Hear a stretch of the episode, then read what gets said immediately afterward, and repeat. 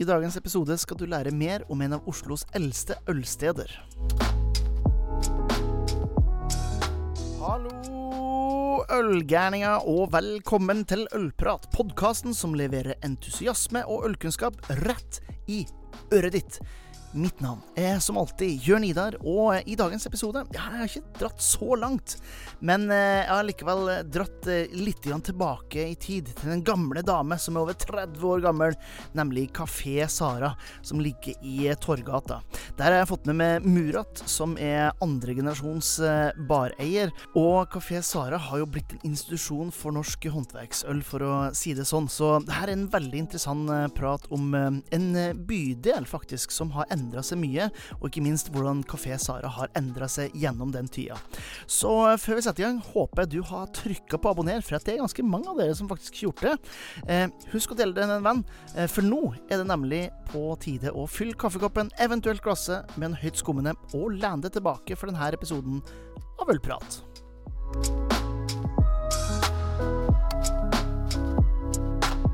Da ønsker vi velkommen til eh, ølprat her fra, fra Oslo sentrum. Eh, vi sitter rett på sida av Kafé Sara sammen med Murat. Eh, hei, Murat. Hei, Jørn Idar. Det er veldig hyggelig at du eh, tar deg litt tid til å, å prate, prate Ja, ja, absolutt. Dele litt av eh, en ordentlig sånn Oslo-institusjons eh, historie. Ja, men Det er veldig hyggelig at du sier det. Ja, ja men, men begynne litt med, med, med Kafé Sara, da. Mm. Eh, det er jo ikke akkurat et, et, nytt sted i det hele tatt. En historie som går tilbake til 1989. Ja. Vi, faren min startet dette stedet i 1989 sammen med en uh, kompanjong som han trengte en partner fordi han hadde ikke nok kapital til å starte stedet.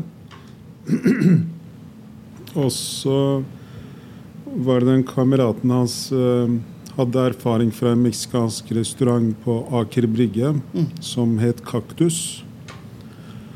Så da tok også menyen form da, med meksikanske retter pga. kaktus. Ja, og uh, turkiske retter fordi vi er fra Tyrkia. Og de første seks månedene slet de veldig. Mm. Det var nesten ingen mennesker her. Men så tok det seg opp, da og folk begynte å komme. Mm. Og det er også veldig mye pga. at serveringen her var til klokka tre. Mm. Mens uh, f.eks. Skaus Corner, som var der uh, uh, Nå er det Bettola ja, okay. i det bygget der. Og Skaus Corner var en ekstremt populær pub på den tiden. Mm.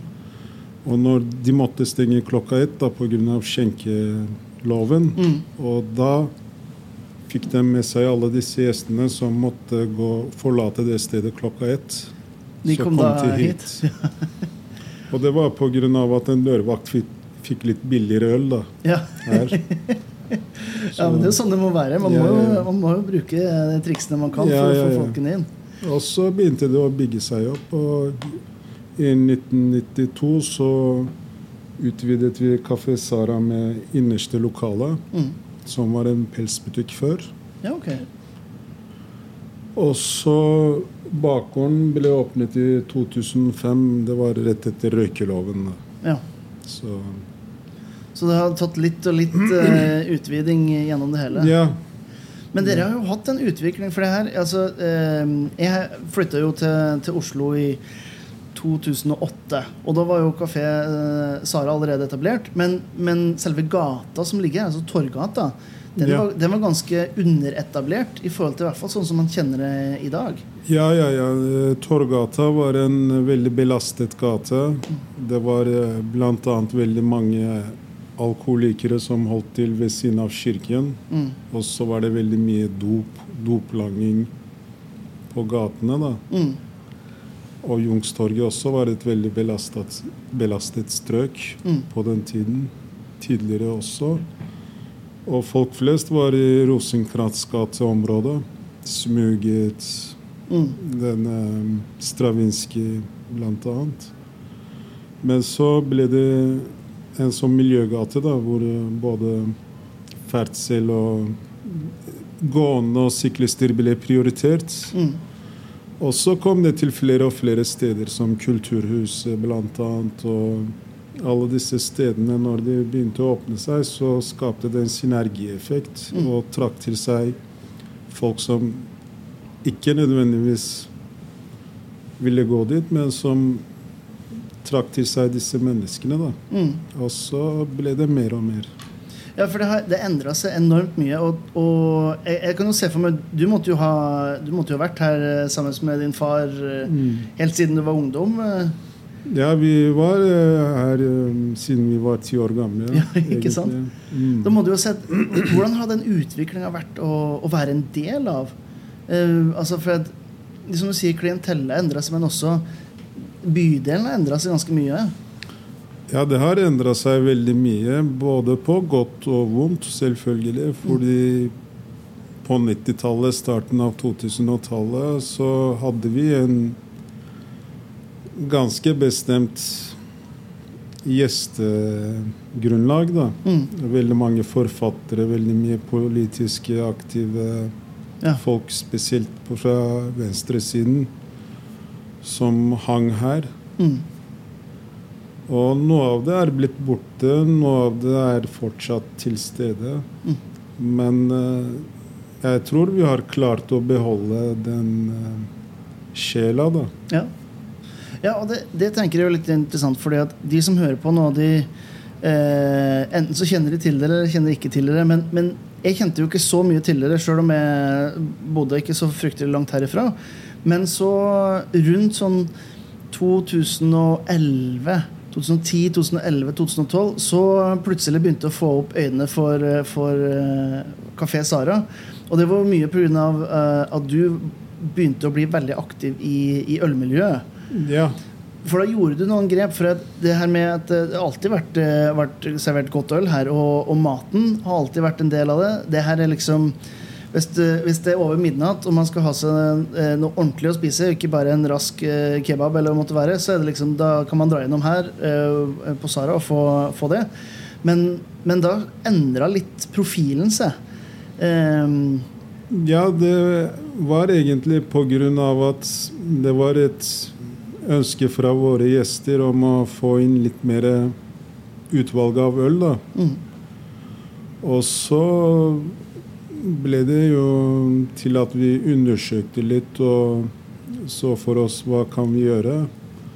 Og så tok vi kontakt med bl.a. Nøgnø, fordi det var en DJ som spilte på verkstedet, som nevnte det bryggeriet. da. mm, Og eh, vi tok kontakt med dem, og så tok vi kontakt med Håndbryggeriet. Og så kom Håndbryggeriet og installerte en tårn, da. Og eh, Ole Rikard Lund. Og eh, de to første ølene våre på tap, mikrobrygg, var jo Norwegian Wood og Arden Blond. ja. Og Norwegian Wood er ikke det første man setter på på et pilssted som Sara, men Og så kjøpte vi 90 liter av hver. ja. Men det gikk til seg, da. Og så hadde håndbryggeriet på den tiden import. Mm, og masse kule, bra bryggerier. Og så var det egentlig Ole Rikard Lund som sa Murat, du må ta det inn. Hva er det? Nei, det er en sånn Alvin Double Barrelate Super Sour Ale på 12-13 Mm, Ok. Det er bare ett fat. Å ja, det er veldig eksklusivt. mm, Kjør på. Problemet på den tiden var at halvparten av gjestene som bestilte den ølen, kom tilbake med glasset og sa dette er ikke øl. Gi meg en øl. Så vi måtte bare kaste det og gi dem en vanlig pils. Men eh, etter hvert så begynte jo folk å få øynene opp, og eh, de ble vant til smakene, da. mm. Men eh, fra den tida, og så har vi holdt det hele tida, at det skal være ekstremt. Vi bryr oss ikke særlig mye om prisen på ølet så lenge det er eksklusivt. Mm. Og sånn er det blitt. Ja, ja for eh, Det er jo litt eh, interessant spørsmål, da, siden dere har holdt på så lenge før denne endringa. Da. Eh, var det gjestene, stamgjestene dere hadde som endra smaksløkene sine, eller var det at dere fikk et nytt klientell inn? Vi ikke nødvendigvis nytt klientell inn, men vi så jo at det var eh, mer og mer konkurranse. Mm. Og vi fikk jo en bryggeripub, Krogbar, rett ved siden av. Og vi måtte jo prøve å ikke miste våre gjester. Mm. Og da må du ha utvalg og tilby gjestene dine det også de tilbyr der. da. Ja. Ja, kanskje gjøre det bedre. Og det var egentlig noe av grunnen. Og så i tillegg til det så var det morsomt å skrive på Facebook, reklamere litt og snakke med folk. Nei, det skal være billig. Ja, ja, det er billig og sånt. Og Ja. vi er og er fortsatt et rimelig sted for craftbeer. Mm. Og det ønsker vi å fortsette med, for det størsteparten av salget vårt er jo pils. ja. Og eh, da kan vi heller tilby folk godt øl til en rimelig penge. Mm. Ja, det er sant. Og, det. og noe av det som er litt sånn eh, fascinerende for min del å se, i hvert fall, at på denne tida eh, Det er jo, det er jo da altså, mikrobryggeri og håndverksøl ble en, en del av eh, mer enn bevisstheten hos, uh, hos nordmenn. Men i stedet for å Istedenfor å gå etter garanterte salgssuksesser, så begynte du å, å se etter hvilke bryggerier var nye. Hvem kunne du gi en sjanse i, i storbyen, da? Ja, ja. I storbygda. Absolutt. Og det var egentlig Vi fikk veldig mye hjelp av Ølportalen. Blant annet på den tiden var det veldig aktivt. Og da var det også mange artikler om nystarta bryggerier og sånt. Mm. Og eh, det var bl.a. pga. en sånn artikkel at jeg bestilte Alstadberger fra Klostergården osv. Mm. Og så ble det en greie å gi nye bryggerier muligheten til å Vise seg fram, ja. vise seg fram. Og vi var et av de første stedene som hadde Lindheim, Mm. Salikat,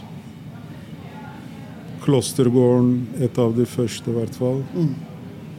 Og mange sånne nye. Veholt.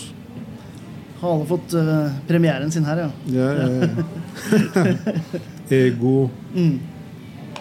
Så det var egentlig veldig kult. Og på den tida var jo den norske ølscena veldig aktivt. Masse nyetableringer hele tida. Og kundene ønsket å prøve disse nye produktene. Mm.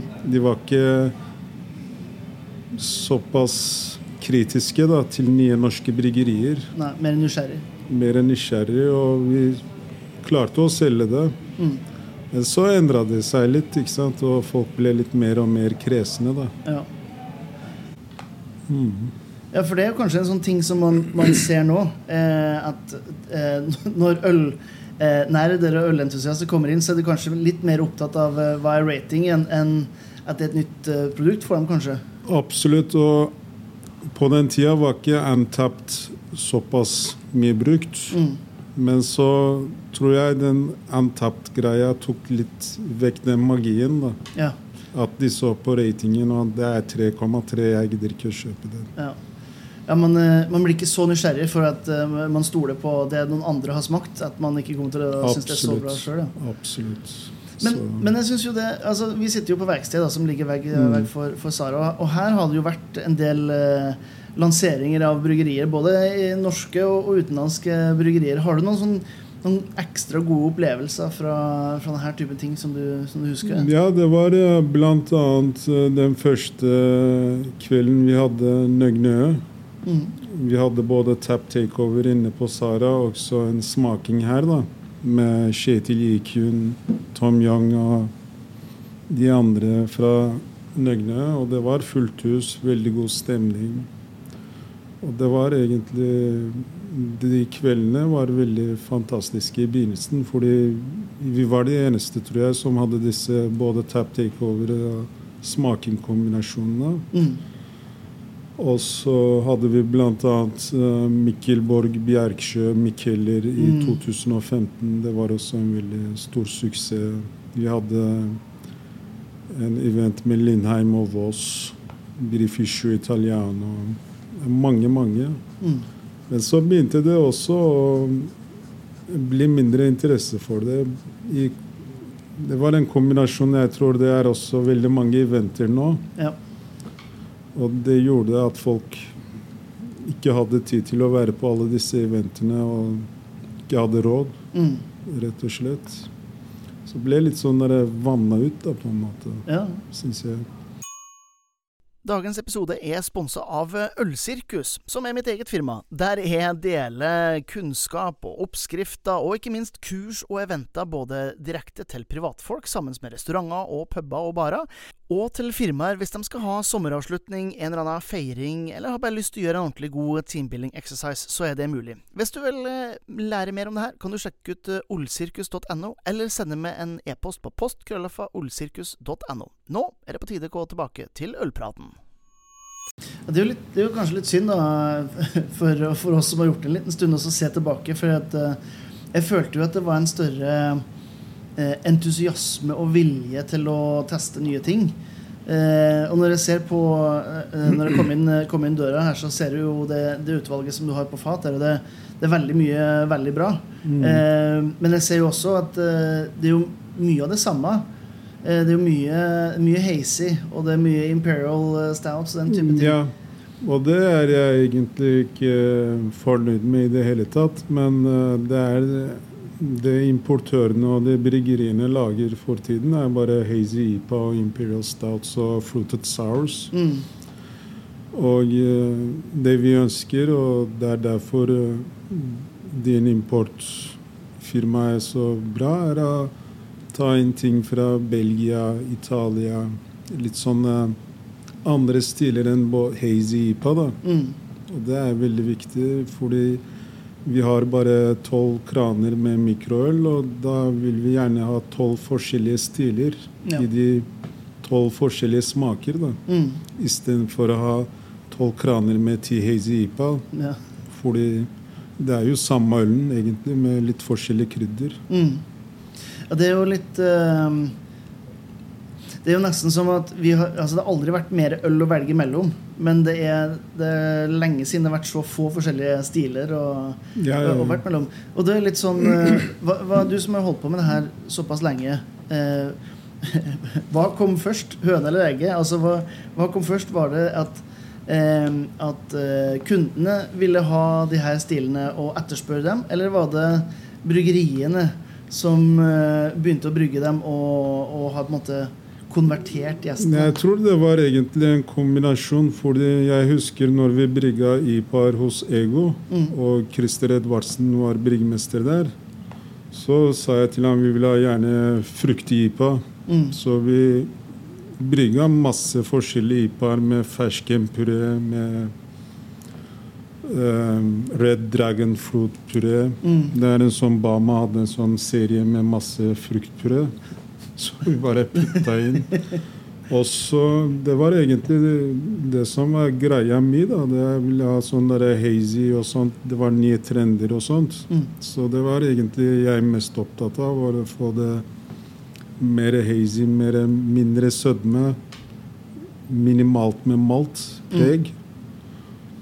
Og eh, det var egentlig Så skapte vi det, da.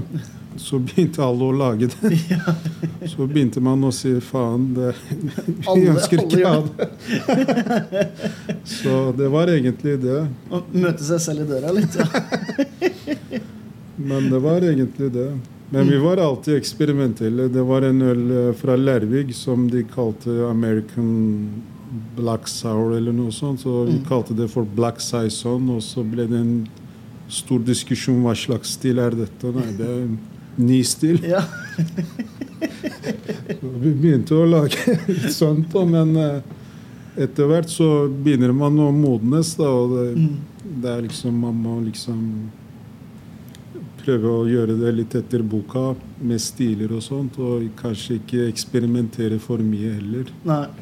Ja, det, det er sant. det. Eh, Jeg merker, jeg føler meg jo litt gammel eh, sånn ølmann når man snakker om at tingene var bedre før. og helt hele tatt. Men det, men det er jo det som sier, at Tingene var mye bedre før, fordi samholdet i ølbransjen var mye bedre før. Det var mye mer entusiasme. mm, Masse nye folk som drev bryggerier rundt om i landet, som kom til Oslo, og som Det var en veldig hyggelig stemning. mm, Men nå er jo mange av disse bryggeriene borte, som Ego, Voss, mm. annet. Og det, er veldig, det var veldig hyggelige folk. Ja, men Er det litt fordi at man har blitt litt for bortskjemt? I hvert fall vi som bor i Oslo. da. Her, som du sier, her skjer det jo noe hele tiden.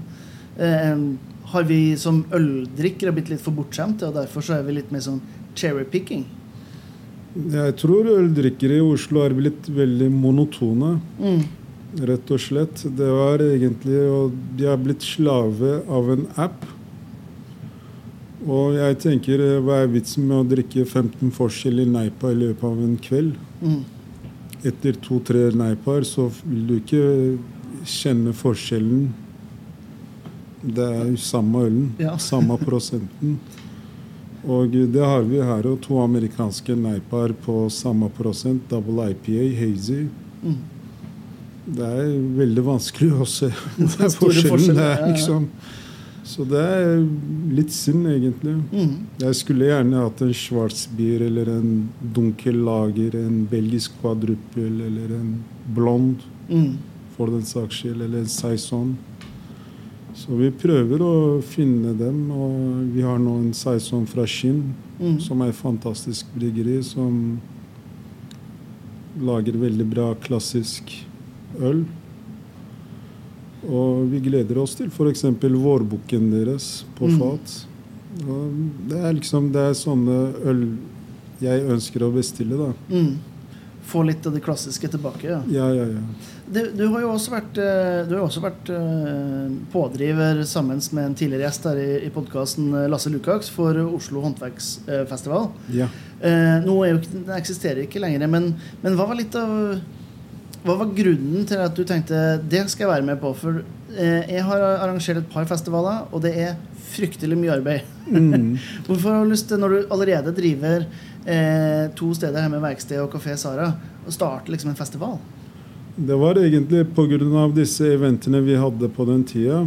Så tenkte vi kanskje vi kan gjøre det litt større Mm. og invitere flere bryggerier. Og mest mulig norske bryggerier, da. Og så tok vi kontakt med bl.a. Doga, sammen med Kenneth Sørensen, som jobba på den tida. Mm. Snakka litt løst om Doga, som er sånn uh, bygget rett over gata her. Men uh, det skjedde ikke. Og så ble det litt lagt på is. Og så snakket vi med Lasse Lukas om eh, kanskje vi skal eh, gjøre det i kirken. Fordi jeg hadde vært i samtaler med en som jobber i kirken. Kirkelig kulturverksted som driftet kirken på den tiden. Mm. Og de stilte seg positive til å ha en ølfestival. Men eh, vi måtte leie grunnen osv. Og, Mm. Og så ble vi enige om leie og sånt. Og så hadde vi to flinke karer som jobbet på verkstedet. Eivind og Vegard. Og Eivind hadde veldig mye festivalerfaring. Ja. Han eh, var med og organiserte piknik i parken, annet. Mm.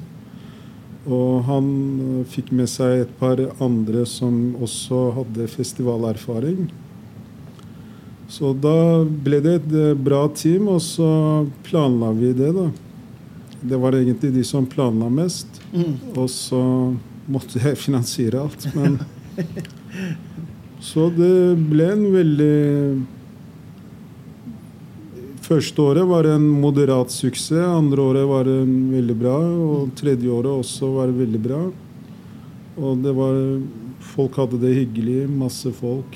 Det var en veldig bra setting. Ja, det, var, det må jeg si. Det, fordi eh, dere som ikke har, eh, har vært med på den, så er det jo eh, Kulturkirken Jakob som eh, har masse konserter og kulturarrangement og den type ting. Og det er ingenting som, som var så tilfredsstillende som å, å drikke en, en god belgisk dobbel rett foran alteret der. Det, var, det funket veldig godt, altså.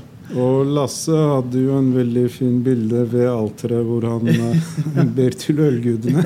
Stemmer det.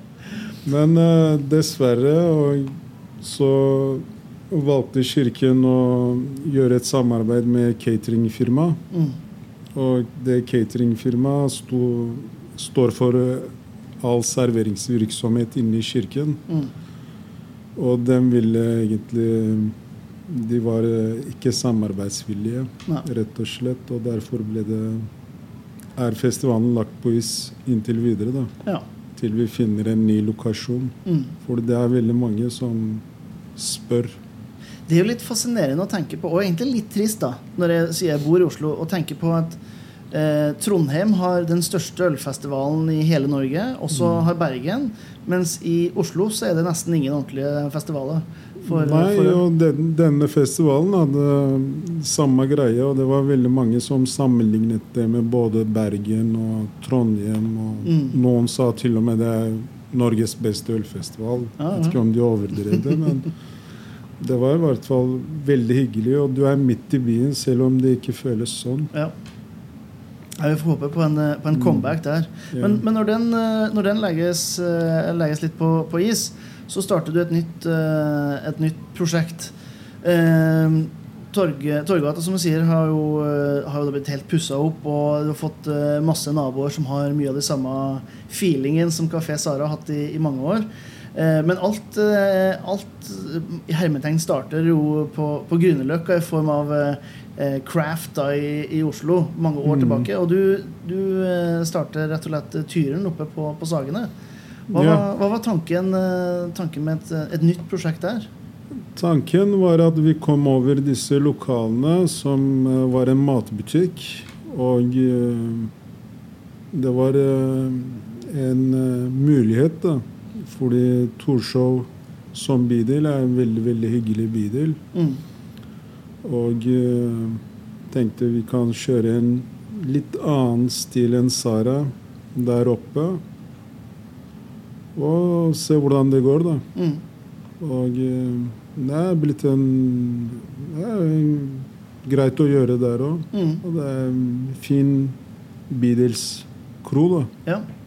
ja, for det er kanskje litt mer der oppe at det er de som er i områdene rundt, som, eh, som er, jo, er gjestene. Mens Ja. her er det kanskje litt mer gjennomtrekk, fordi at det er litt sånn passasje for Ja. folk som reiser fram og Her er det alt mulig, egentlig. Det er et veldig, på Sara er det et veldig sammensatt klientell. Mm. Mens der er det mer folk som har en lokal tilhørighet til området. da. Mm. I tillegg til at det er jo konserter på Cosmopolit og Det Norske Teater. Ja. Og øh, øh, det nye stedet, sånn øh, standup-scene.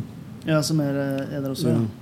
Husker ikke navnet i farta, men øh, det også trekker til seg folk fra andre deler av byen. Da. ja, ok, så det kommer eh, Ja. møtes Så der. det er en fin aktivitet i området der. Mm.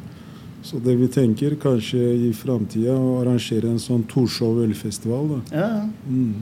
ja det, det ligger jo ikke så langt unna der uh, selv og arrangerte festival for en del år tilbake Ja, på Soria. Moria. Så, så det er noen muligheter der. Det er ikke noen tvil om. Absolutt. Nå har altså eh, Kafé Sara eh, holdt på i nesten 35 år. Ja. Eh, og det er enormt lenge. Eh, en ting er bare som bedrift i Norge, så det er enormt lenge. Men Ja. som restaurant er det nesten det er, ja, det er ikke mange prosentene av eh, norske restauranter som overlever så lenge. Nei.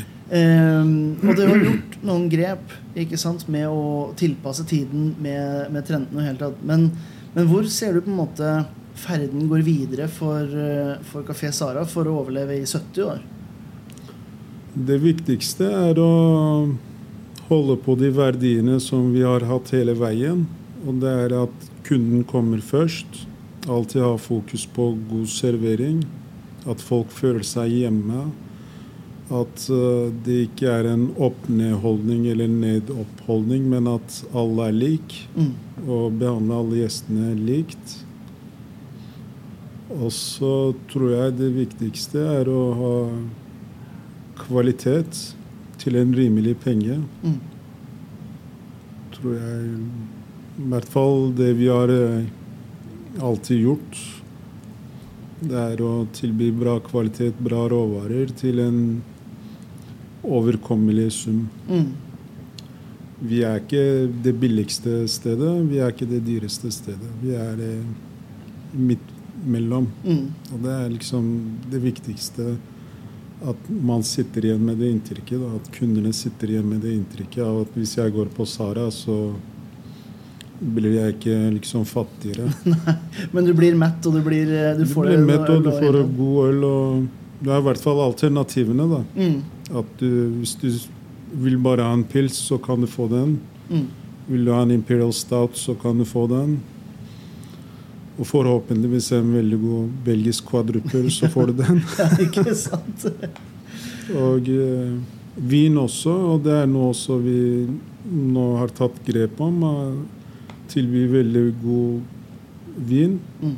til en rimeligere penge. Vi har en nå pinot noir fra Burgund som vanligvis vil koste 2000-3000 kroner i byen, til 1000 kroner. Og eh, noe av grunnen til det er at det er liksom innkjøpsprisen er en ting, men mange av disse stedene ganger jo det med tre og fire og fem. Mm. Det syns vi er bare tullete. Ja.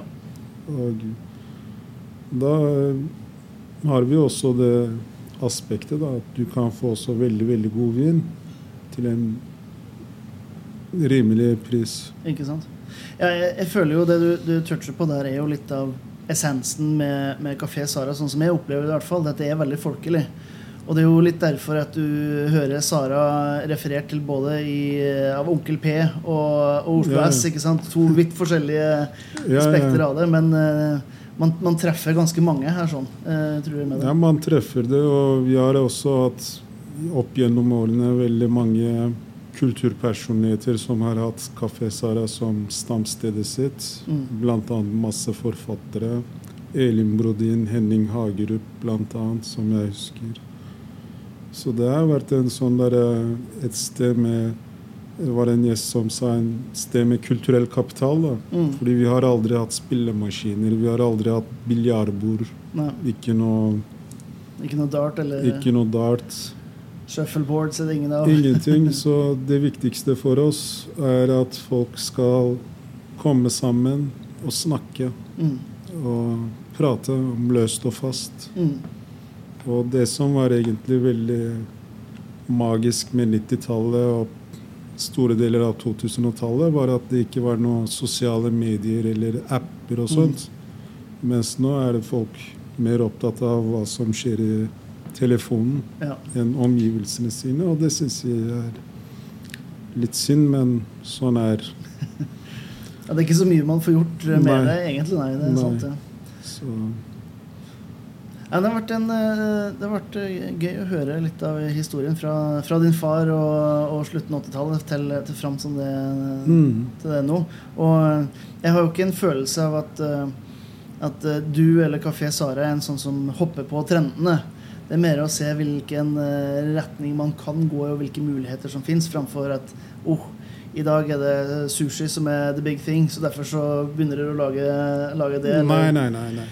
Eh, Opera er liksom det, det nye store, så har dere masse Det er, liksom, det er viktig å ha en rød tråd. Mm, og holde seg til den røde tråden. Og hvis noen skal starte et nytt sted i Oslo eller andre byer, så er det veldig viktig å ha en klar filosofi på hva du vil med det stedet, og om det er et sted du vil være på, mm. Føle seg hjemme. rett og slett. Ja. Mm, Og hvis man klarer å få den følelsen av å være hjemme hos også klientellet, så er det mye gjort. mm. Det tror jeg også. Men, ja. Før, eh, før vi, vi avslutter her, eh, Murat, så eh, jeg stiller alle eh, det samme spørsmålet. Alle gjestene. Eh, like enkelt som det er vanskelig. Eh, for det er rett og slett bare Hvis du skulle ha valgt en, eh, en god øl- og matkombinasjon eh, Nå har du jo eh, tilgang til både og i, i eget hus, da. Mm. Men, men hva ville en sånn kombinasjon ha vært for deg akkurat nå? ja, det er egentlig litt uh, av våre mangel er at vi ikke er så veldig flinke å kombinere øl, selv om vi har masse øl med Mm. maten vi har.